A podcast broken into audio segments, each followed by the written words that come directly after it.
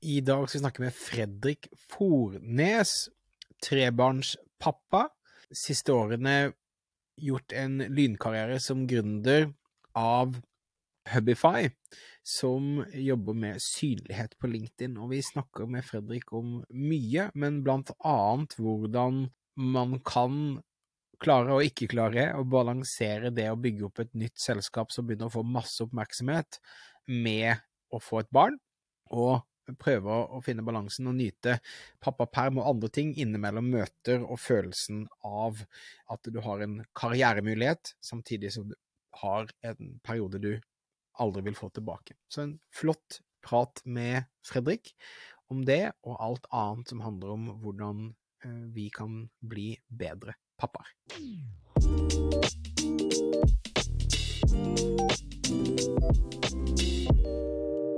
Fredrik, vi begynner med et, et, enkelt, som oftest, spørsmål. Hvor bor du, hvem bor du med, hva er liksom din nåværende familiesituasjon? Du, jeg bor på Randaberg, som jeg tror faktisk er Norges minste landfaste kommune. Så det er en liten sånn koloni midt inne i Stavanger som ikke nekta å bli en del av Stavanger når vi slo sammen litt kommuner. Så en sånn grønn landsby, som jeg kaller det, litt ute på landet forbi Stavanger, med veldig sånn A4. Med en sånn bil som helt tydelig sier at her er det kids og hund og det meste i bildet. Og i tillegg med en takboks på, for det, bilen var ikke stor nok selv om den er gigantisk. Så jeg har tre barn, bor med min kone på Randaberg. Så jeg er jo i forhold til alderen min kanskje tidligere enn mange av mine kompiser da, når det kommer til å få barn osv. Så, videre. så jeg er jo på mange måter litt mer etablert enn kanskje alderen skulle tilsi. Ofte hører jeg folk si til meg. Hvor, hvor, hvor, gammel er du, og hvor gammel er barna dine? Jeg er akkurat fylt, eller fylt i november 30 år. Og jeg har ja. eldstemann på ni. Så har jeg en syvåring, og så har jeg ei som ble to i desember. Så du ble pappa første gang som 21-åring? Da var jeg ett år foran deg. Hvordan var det å bli pappa i så ung alder? Du tror du er forberedt, det er du jo aldri helt. Men, men det var jo, for vår del så var det jo veldig bevisst, og det er jo en morsom observasjon å gjøre når du er 21 og får barn. Så tror jo de fleste at det, det var en smell. Men, Så det, det var alltid en sånn morsom greie når du forteller det til andre. så er det sånn Å ja, å ja, var det planlagt? Eh, og det var det jo. Vi hadde vært sammen siden vi var 16 år, så vi hadde jo, jo uh, ungdomskjærester uh, og var veldig klare på at vi hadde lyst til å, å stifte familie. Så, um, så, vi var veldig klare på hva vi, hva vi ville. Litt sånn i forhold til at vi, vi, gjerne ville ha unge besteforeldre og oldeforeldre, og tenkte at hvorfor ikke starte nå når vi, når vi, er trygge på hverandre og har lyst til å gjøre det. Så, så det var veldig bevisst, og, og det jo Det går jo fint. Det gikk veldig bra. Det er veldig kult å høre, og jeg tror at uh, generelt jo mer, jo flinkere man er til å liksom reflektere og tenke fremover, ha gode samtaler rundt ting, så, så kan man bygge seg et, et godt liv. Sistemann, som da er to år, er jo en ganske stor gap. Hadde dere bestemt dere for at dere skulle ha tre, eller hvor raskt ble nummer to og nummer tre bestemt? Vi hadde egentlig tenkt, eller jeg hadde i hvert fall tenkt de skulle ha to. Og da, vi, da tenkte vi da må vi ha to tette, så det var jo litt av grunnen til at uh, syvåringen kom uh, ja, halvannet år etterpå ca. Eh, for at de skulle få litt glede av hverandre i oppveksten osv. Og, og så var det denne tanken med nummer tre var litt sånn Når da hun mellomste begynte å vokse litt til, så var det litt sånn Hvis vi skal ha nummer tre, så må vi gjøre det nå, eller så gjør vi det ikke. For da blir det for stort gap, syns vi kanskje. At det blir for, for stort uh, gap mellom de. I tillegg til at du, du, du starter jo litt på ny, da. Sant? Vi hadde jo på mange måter fått to som nå begynte å bli litt selvstendige. Og du ble kvitt den der hekkende bilstolen i bilen som gjorde at du fikk frigjort litt plass og slapp å ha med denne vogna overalt og, og, de tingene der. Eh, og kanskje til og med kunne ta en tur på butikken sammen fordi de klarte seg alene i 30 minutter. Så starter du hele den greia på ny, da. Da måtte vi kjenne på det om, om er vi ferdige nå, eller kjenner vi at vi ikke er helt ferdige. Og da, da kjente vi litt den følelsen av at det, var litt, det gjorde litt vondt å tenke på at vi hadde gjort alt det fine fra siste gang. Um, opplevd graviditet og fødsel og de første dagene på sykehus og alt det der, at, det, at, vi ikke skulle gjøre det igjen. Så da ble det sånn OK, vet du hva, da, da gjør vi det nå. Og så, så får vi nummer tre òg. Min siste på fire, hun, eh, hun, var med sånn prøverør, og jeg tror vi holdt på i halvannet år eh, før vi endelig eh, traff. Og der også, jeg opplevde da hvor fantastisk det var når du var så forberedt, og du gledet deg sånn, og det var noe du hadde, hadde planlagt. Men det som overrasker meg ofte når man ser hvordan man snakker om hvordan man blir gravid og sånn på, på skole og blant venner og sånn, er jo at det nesten, du, når du begynner å prøve, nesten du bare snubler i dusjen, så har du på en måte gjort kona gravid eh, fordi at det er så lett å få barn. Men når dere tenkte at nå skal vi gjøre det, var det noe som skjedde med en gang, eller var det en lang prosess liksom før dere klarte å Ja, vi vært kjempeheldige der, og, og klaffa omtrent hver gang ganske fort. så jeg har jo stor respekt for de som eh, hvor det blir vanskeligere, da. Og vi vet jo har vært kjempeheldige på alle mulige måter og fått ikke minst friske unger. Ehm, det var jo en ting som, som jeg vet mine foreldre de òg var sånn på litt samme problemstillingen. De hadde fått to friske unger hvor, eh, hvor alt hadde gått fint. Eh, og så tenkte de på nummer tre, men så var det litt sånn hva hvis, hva hvis det skjer noe med den tredje? Nå har vi to friske eh, fine unger, så la oss ikke gjøre det.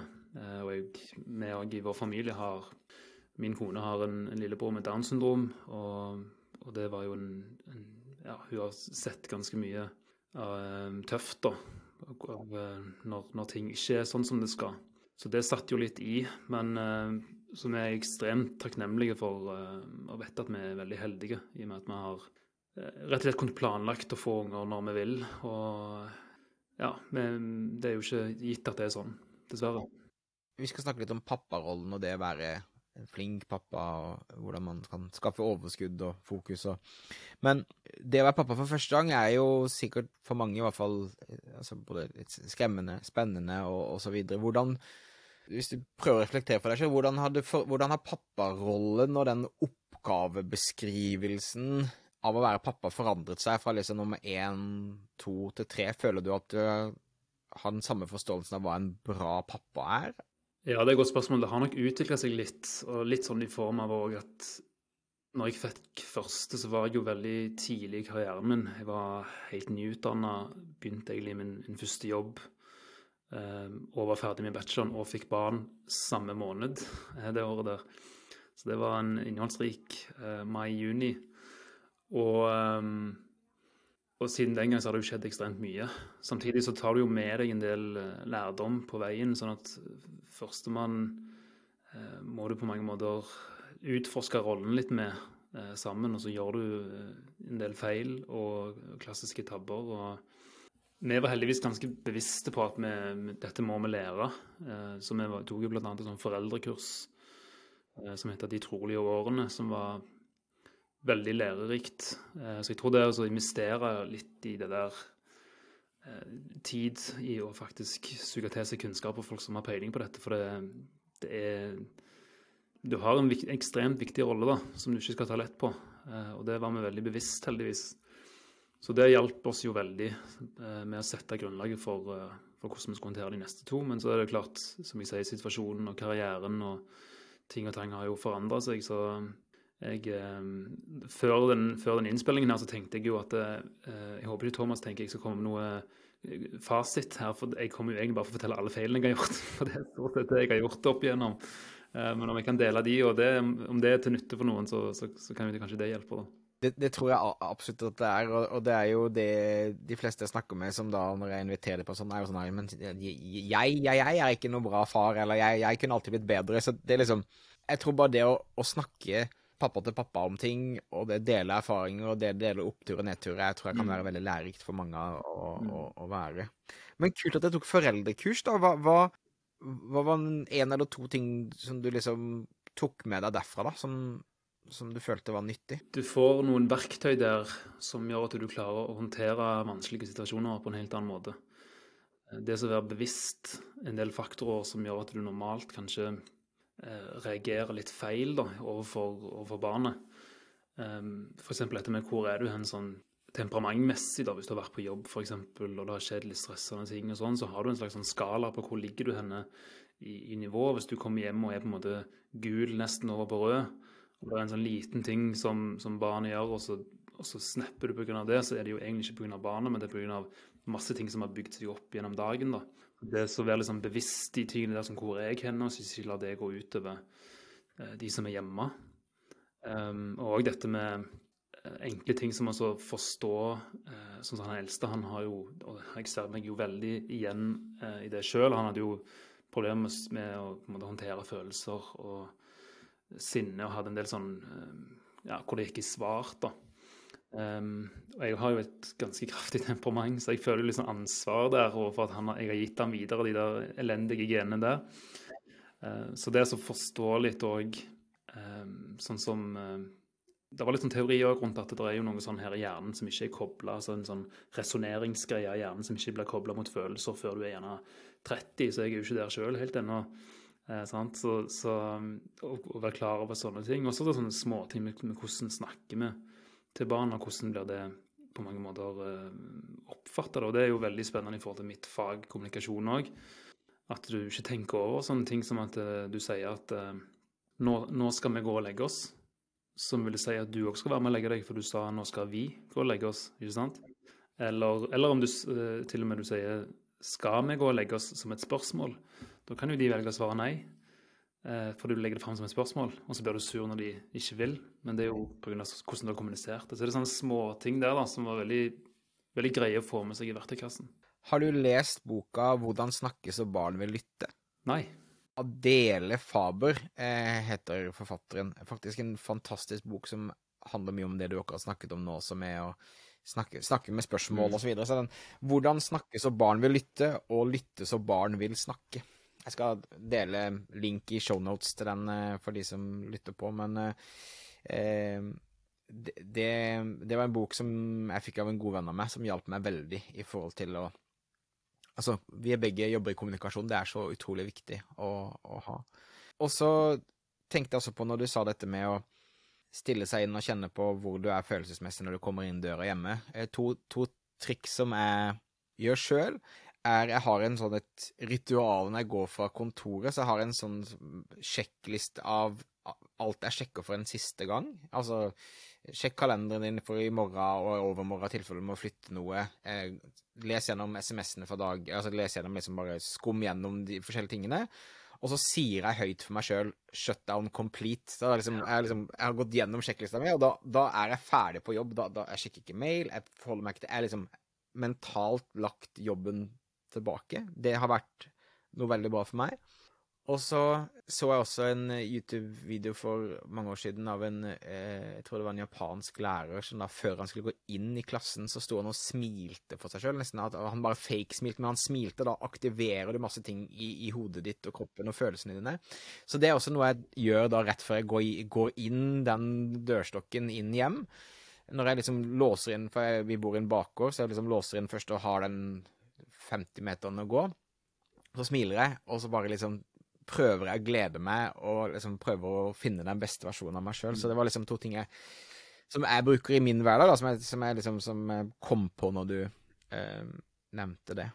Men kult. Du har snakket litt om, om karriere. Du var tidlig i karrieren da du fikk barn. Eh, du, du, er litt lenger i karrieren din nå eh, når du fikk tredjemann.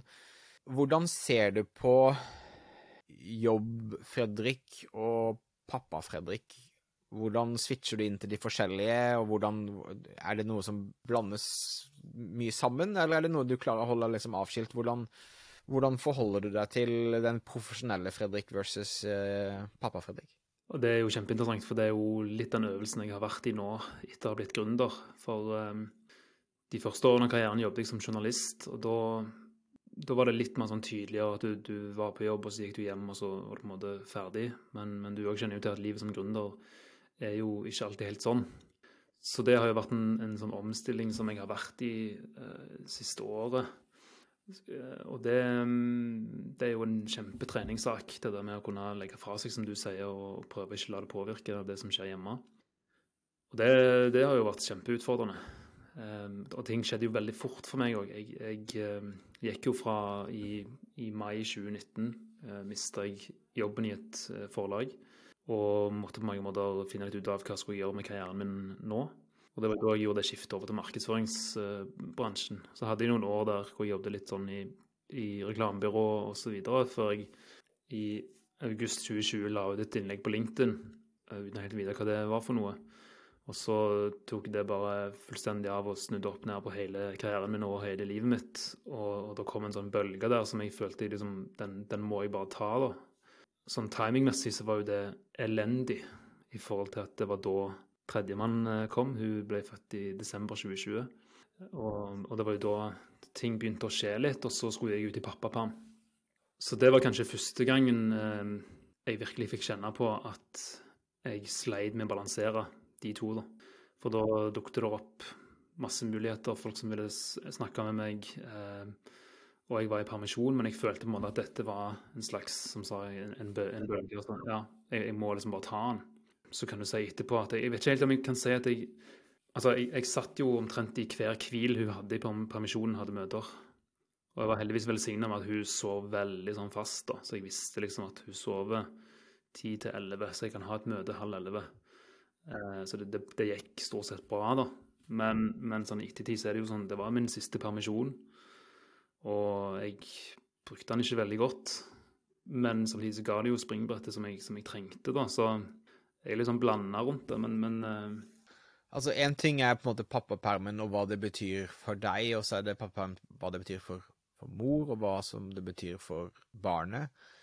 Og hvis du var en bedre pappa og mer til stede når da hun våknet opp eh, eh, fordi at du hadde fått tatt det møtet, og fordi du hadde fått det ut av hodet, så er det jo altså, det, handler jo liksom om hva man Om det er et virkemiddel man brukte for å også kunne være med til stede når man faktisk måtte være det, tror jeg. Men eh, jeg kjenner meg igjen. Altså, det, det, er veldig annerledes. Du gikk jo for å være en litt mer privat å være en offentlig person, og du gikk jo for en måte å kunne kanskje skrive tankene dine til å også måtte underholde mer, og på en måte legge mer inn i liksom alt du putter ut der. Ikke sant? Du har gitt, delt mye av deg sjøl, og det er veldig vanskelig å slå av. Så, så, det blir liksom en del av deg. Eh, jeg har jo holdt på med dette i 23 år nå, så jeg har jo på en måte fått gjort alle feilene som kan gjøres, og blitt veldig komfortabel med hva som gir energi, og hva som tar energi, og hva jeg kan tape muligheter på, men som jeg er villig til å tape muligheter på fordi at det gir meg noe på hjemmebane, eller det gir meg noe personlig. Men det er kjempevanskelig, og spesielt i starten, å finne den der eh, balansen. Særlig når man lever mye av å gi av seg sjøl offentlig, så er det tyngre å gi av seg sjøl når man kommer hjem. Ja, jeg tror, jeg tror egentlig den, den permen var med på å litt viske vekk det skillet mellom, mellom jobb og privat som jeg burde hatt. da. Så det satt liksom litt premissene for hvordan gründerskapet ble videre. For jeg hadde liksom tatt det med inn på hjemmebane og så at det gikk fint hvis jeg bare tima det riktig osv. Er det det samme nå? Det, har du liksom gjentatt kontrollen og balansen, eller er du fortsatt litt sånn på surfetur? Nei, jeg, jeg har jo blitt mye mer bevisst nå i det siste. Men, men, det er klart det første året som gründer er jo det verste. Sant? Du tror du Litt sånn som i første barn, du tror du er forberedt, og så ja, aner du jo ikke hva du går til. Så, så, det har jo vært en sånn Det var, det var et tøft år, da. Og jeg tror jeg tror altså, Hvis jeg ikke hadde hatt en sånn ganske sterk syke, så tror jeg nok jeg hadde gått på en eller annen smell i løpet av det året der. Ehm, det var nok ikke langt unna i noen perioder. For det var jobbing til to-tre på nettene flere dager i uka omtrent. Ja, ofte når man er i den spacen der, så, så, så, skyver man også bort de tradisjonelle støttespillerne du kanskje har snakket med og fått støtte av og sånn, for det, på en måte, du føler ikke det er plass til dem. Ja, det, det, er et godt poeng, for det, det opplevde jeg bare med f.eks. min kone, som, som, gjerne prøvde å strekke ut en hånd under de periodene. Og liksom sånn, kanskje du bør utsette noen møter, og kanskje du bør Eh, prøve å skru ned litt eh, og skru av når du kommer hjem, og så blir du nesten bare forbanna. For det er sånn, ja, men jeg kan ikke gjøre det, for da forskyver jeg jo bare problemet. Da, da, må jeg ta det møtet neste uke, osv. Og, og så prøver de bare å hjelpe deg, men, men du, du, klarer, evner ikke å se det, for du er inne i denne bobla. Jeg ser den.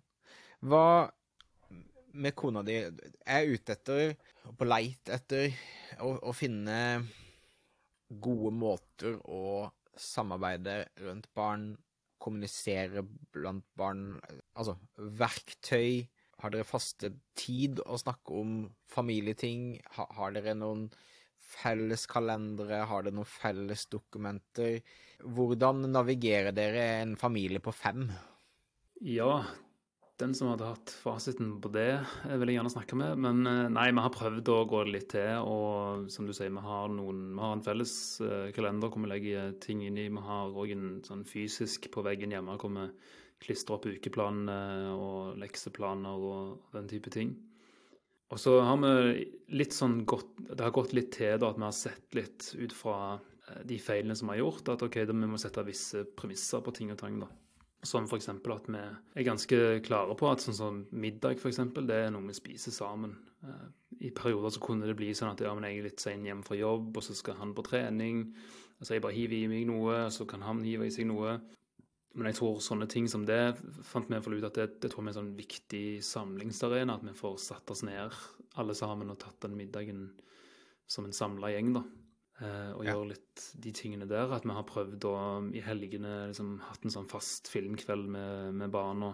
Eh, at vi har noen sånne At vi vet vi har noen sånne faste som jeg sier, samlingspunkter hvor, hvor vi er sammen hele gjengen. For nå begynner altså, jeg, jeg er travel, og så begynner ungene å springe rundt på treninger og kor og osv. i alle mulige retninger. Så jeg tror det å ha noen sånne samlingspunkter er, er litt viktig, da. Og så prøver vi jo å ha den der voksentiden etter vi har lagt, uh, lagt barn. Og det er jo en sånn Kanskje det, der, der, jeg sliter mest med sånn frustrasjon, er jo der for du vet du skal ha de der voksentimene på kvelden. Og hvis ungene da ikke legger seg eller ikke sovner, og du begynner å gå av den der Du ser bare voksentiden spises inn. Den er ganske, sånn, den er ganske heavy uh, å kjenne på. Det merker du jo. Ja, altså jeg er en periode der jeg legger meg nå klokka ni hver kveld. Så, så når jeg begynner å legge vår datter klokken syv, og det, du kommer inn i sånn kvart over åtte før hun har lagt seg, så er det ikke mange minuttene man har med voksentid. Og der er også Jeg så leste et sitat der noen sa at den minimums inn, Altså det minste du kan gjøre av innsats for å ha en god relasjon med kona di, er å sitte og se på TV.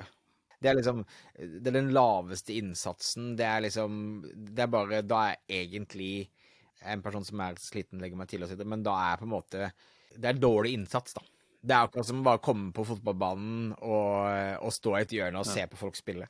Jeg er nå i en fase der jeg jobber aktivt sammen med kona mi til å finne ut av og strukturere hva kan vi gjøre på kvelden som ikke er TV. Vi har prøvd puslespill som det var for mørkt og vondt i nakken. Altså, det er masse rare, liksom. Men vi er liksom gjennom nå. Vi jobber med en liste nå, da, og det tror jeg liksom eh, Den, den eh, voksentiden og den partiden tror jeg også er veldig avgjørende å ha for å, å være en god pappa dagen etterpå. Det er litt sånn som, som, med barn, at du tenker du må ha de der. Det var en annen ting som jeg fokus på under foreldrekurset. var at med disse her, eh, å, å, få de der plussopplevelsene, de gode opplevelsene inn i, i sparegrisen. Sånn at når de kjipe opplevelsene kommer, du må irettesette og være streng osv., så, videre, så har du liksom en konto å ta av, da, for du har fulgt på med, med, med mye positivt. Eh, sånn tror jeg det er egentlig for det voksne forholdet òg. At du må liksom ha de der gode opplevelsene. Eh, så det ikke bare blir eh, stresse og jage og sånn, men at du, ja, du har noe på den, på den positive kontoen òg, da. Jeg tror det er kjempeviktig. Du sa du har gjort mange, mange, feil, og man lærer forhåpentligvis litt, i hvert fall man kan. Det er, å, det er også lettere å fortelle hva man burde gjøre, enn å gjøre det man bør gjøre. Um, hva er en bra pappa for deg, og hva slags råd ville du gitt deg sjøl for da ni år siden for å tilrettelegge for at du er en best mulig pappa? Den enkleste tingen er å være mye mer til stede når du er med ungene. Det, den har jeg, der har jeg gjort mye tabber. Det vil si telefon bort, eh, tømt hode. Du er der du er og gjør det du gjør. Ja, og Der fikk jeg en sånn aha-opplevelse. Det er ikke lenge siden engang, det er et par måneder siden. Hvor eh, min eldste spurte om Han ville veldig gjerne ha meg inn på fotballtrening. da. For han var sikkert veldig stolt av at han har blitt, uh, blitt litt bedre og har lyst til å vise fram at jeg skulle, skulle være og se på han. Uh, og Da var jeg inne i en sånn supertravel periode, men jeg tenkte med meg selv ja, det er jo ikke sånn fint avbrekk. Så kan jeg rusle ned i fotballhallen og, og sitte og kikke på han. Og så uten å tenke over det, så sitter jeg på tribunen der og tar opp telefonen og begynner å svare på litt mail som jeg ikke fikk svart eh, når jeg var på jobb. Og når han kommer til meg etterpå og sier liksom men pappa, du, du, så jo ikke. For han har jo da gått rundt på banen og kikket opp og sett Fikk han med seg det bra skuddet, eller den finten? Og så har han sett en fyr som sitter med, med ansiktet ned i telefonen. Så den, den kjente jeg på. Da var det sånn nest, neste fotballtrening. La den ligge i lomma, så skal han se hver gang han ser opp på meg, så skal jeg vite at jeg ser han rett tilbake i øynene, så han vet at jeg faktisk fikk det med meg. Yes. Jeg, jeg kjenner veldig på den, for jeg gikk glipp av min sønns første fotballmål på grunn av det, og da skrev jeg en bok som het Logg av, som en kompis i Google, som et direkte svar etterpå. Eh, så jeg faktisk eh, endte opp med å publisere en bok som snakker mye om foreldre og telefon og, og sånne ting. Så ja, jeg tror det der å være til stede er ekstremt viktig. Jeg, jeg opplevde jo òg etter hvert nå som jeg begynte å, å få litt reising, òg, det var en sånn ting som jeg eh, måtte begynne å forholde meg til. At jeg, at jeg, begynte å være mer vekke enn jeg hadde vært tidligere. Jeg drar jo mye på kurs og foredrag rundt om i landet, og, og er ofte eh, Noen ganger er jeg vekke et par dager. Eh, av og til kommer jeg hjem seint rett før de legger seg. Eh, og jeg husker det, òg var en sånn ting som, som, jeg er sånn, som har bundet seg litt fast. Den første gangen når, når hun mellomste sier men pappa, du må ikke reise i morgen. Eller skal du reise på ny nå, eller du får den der. Og det er bare, det, det treffer deg rett inn i hjertet, liksom. Ja. Og så vet du ikke hvordan du skal håndtere det, for det er klart det er jo, det er jo blitt en del av min kjernevirksomhet å gjøre det, så, så, så jeg kommer liksom ikke helt unna det. Så det er hvordan du på mange måter ehm, ja, igjen klarer å være til stede når du først er til stede, og finne måter å, å gjøre det positivt på. Eh, prøvd å liksom når jeg har anledning, ringe, det, ringe på FaceTime. Høres veldig flåsete ut og veldig materialistisk, men de gangene jeg har vært litt flere dager, så prøver jeg gjerne å finne en eller annen ting. Det trenger ikke være noe dyrt, men en sånn fingerbøl, om det så er. Bare for å vite at det, for særlig hun mellomste er veldig på det når jeg reiser bort. da. At det er liksom, Hun vet at ja, men han kommer iallfall hjem med en fingerbøl eller en suvenir eller et eller annet som jeg kan få fra den plassen. da. Så vet jeg ikke om det er sånn pedagogisk riktig, men den Jeg gjør det samme, eh, eh, og, og, ja, det har blitt mange barbier de siste årene. Eh, for å si det sånn. Og det i hvert fall jeg har reflektert litt over, da, det siste er jo at det samme når du putter barnet ditt på i barnehage, og det er en sånn, en sånn tilvenningsperiode, og etter hvert så ser man at barna har det faktisk kjempegøy i barnehagen når ikke du er til stede også, så er det jo de små kommentarene fra barna som selvfølgelig sitter dypest i deg. Og, og, og, så vet du at du har det bra.